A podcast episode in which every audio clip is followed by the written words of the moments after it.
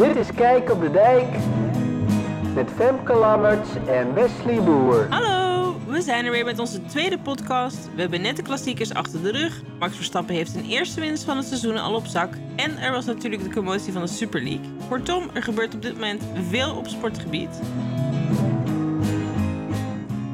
En laat dat nou net ook het onderwerp zijn waar wij het over gaan hebben vandaag. Wesley, jij bent net zoals ik groot wielerfan. Wat vond jij van die Amstel Gold Race? Die Amstel Gold Race die was echt bizar. En dan vooral de finish. Met de fotofinish. Volgens mij weten we nog steeds niet of Pitcock of Van Aert nou heeft gewonnen.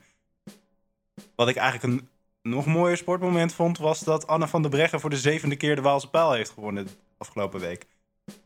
Maar weer terug naar, naar hier. Femke, wat vind jij eigenlijk het mooiste sportplekje van Dijkenwaard? Goh, er zijn er wel meerdere. Mag ik er twee noemen? Ja, jij mag er twee noemen. Oké. Ja, ik vind het bijvoorbeeld leuk om te wandelen in het Geest Ambacht. Hè, het rondje zo uh, om het water heen. En uh, om te hardlopen in het Waarderhout. Want eigenlijk sporten in de natuur vind ik het mooiste. Maar Wesley, wat vind jij het mooiste sportplekje van Dijk en Waard? Nou, gezien mijn, uh, mijn sport toch vooral wielrennen is, ben ik vooral in de polder te vinden.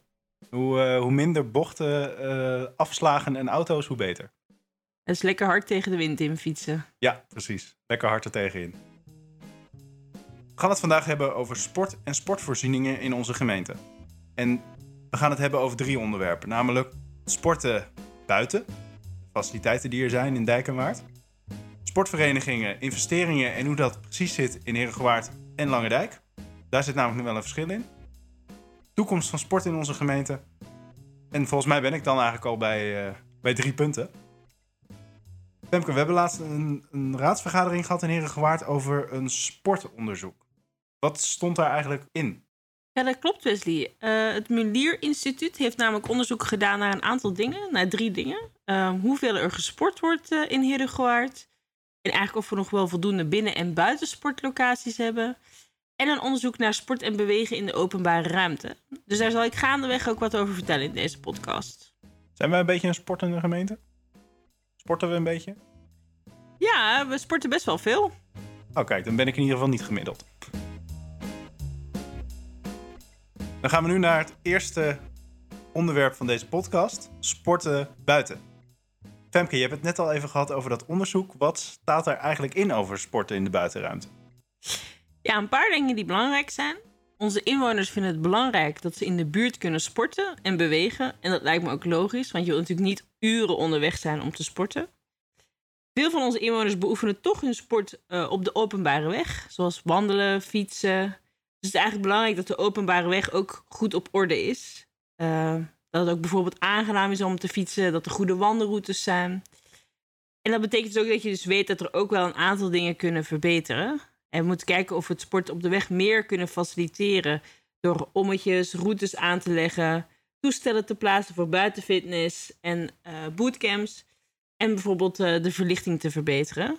Um, maar het gaat ook over beter communiceren over sport- en beweegmogelijkheden. Je hebt bijvoorbeeld de hardlooproutes in uh, met de pijlen op de grond. Maar weet iedereen dat eigenlijk wel? Ken jij die routes, Wesley?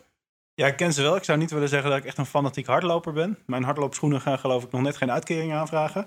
Uh, maar ik herken wel dat er meer over gecommuniceerd zou kunnen worden door de gemeente. Uh, want ik zou bijvoorbeeld niet weten waar nu precies de beweegtoestellen zijn. Uh, een mooi kaartje op een aantal plekken in Dijkenwaard zou wel een hele mooie zijn. Ja, en er zijn volgens mij ook nog wel meer aandachtspunten. Want je wilt bijvoorbeeld toch wel meer bewegen in het groen. Dus verbindingen bijvoorbeeld tussen het centrum en de groene buitengebieden is iets waar we eh, in kunnen investeren. En we zien ook nog wel dat niet alle wijken echt goede faciliteiten hebben, zoals speelplekken of beweegroutes. De Noord is daar bijvoorbeeld een, uh, een voorbeeld van. En is laatst ook beslist dat we meer waterpunt, uh, watertappunten gaan neerzetten. Dus als je bijvoorbeeld op een warme zomerdag lekker aan het sporten bent, dat je dan ook je flesje kunt vullen. Dat klinkt als uh, mooie dingen. En nou, volgens mij zien we nu ook, omdat we steeds meer thuis zijn, hoe belangrijk bewegen buiten is.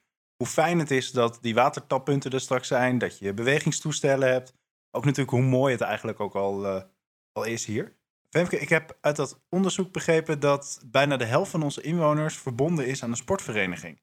En je zei net ook wel iets over dat Herengewaard en Langendijk dat, anders, eh, dat het daar anders is. Kun je daar wat meer over vertellen? Ja, beide gemeenten vinden het echt belangrijk dat er goede faciliteiten zijn voor hun inwoners en stimuleren het sporten ook. En zowel Herengewaard als Langendijk hebben eigenlijk een partner die hen helpt op dat gebied uh, van sporten. En voor Herengewaard is dat dus Herengewaard Sport NV. En voor Langendijk is dat Langendijk Actief. En beide hebben ook een website uh, waar je allerlei informatie kunt vinden over sporten in onze gemeente. Echt zeker de moeite waard om naar te kijken. En wat doen ze dan precies? Ze voeren eigenlijk het sportakkoord uit, wat in onze gemeente is vastgesteld. En het sportakkoord, daar staat eigenlijk in hoe kijken we nu naar sporten, wat vinden we daar belangrijk in. En dat betekent dus bijvoorbeeld dat ze een aantal accommodaties, zoals sporthallen en het zwembad, beheren voor de gemeentes. Ik kijk, het verschil daarin tussen de gemeenten is dat Lange er ook een aantal sportverenigingen zijn, uh, zoals de grote voetbalvereniging en tennisvereniging. Die, die moeten hun accommodatie dus zelf beheren. Oké, dus zij moeten het zelf doen en in Herengewaard wordt het gedaan door Sport NV. Ja, in Langendijk uh, hebben ze ook een aantal sporthallen onder hun uh, beheer. Maar er zijn dus ook echt wel een aantal sportverenigingen die dat zelf moeten doen. En dat is wel anders uh, dan in Herengewaard. Ja, want laatst hebben we het toch gehad over stevige investeringen in de, de sportaccommodaties van beide gemeenten. Kun je daar wat, wat over vertellen? Hoe is dat gegaan en wat is daar allemaal uitgekomen? Ja, klopt. Zowel in Heergewaard als in Langendijk uh, hebben ze eigenlijk besloten om te investeren. Nou, in Langendijk uh, hadden we het verhaal over de sportvereniging De Vrone. En dat is echt al iets wat een hele tijd loopt. Um, en waar het sportcomplex echt ook aan een opknapbeurt uh, toe is. En elke keer liep dat op een of andere manier spaak of liep dat mis.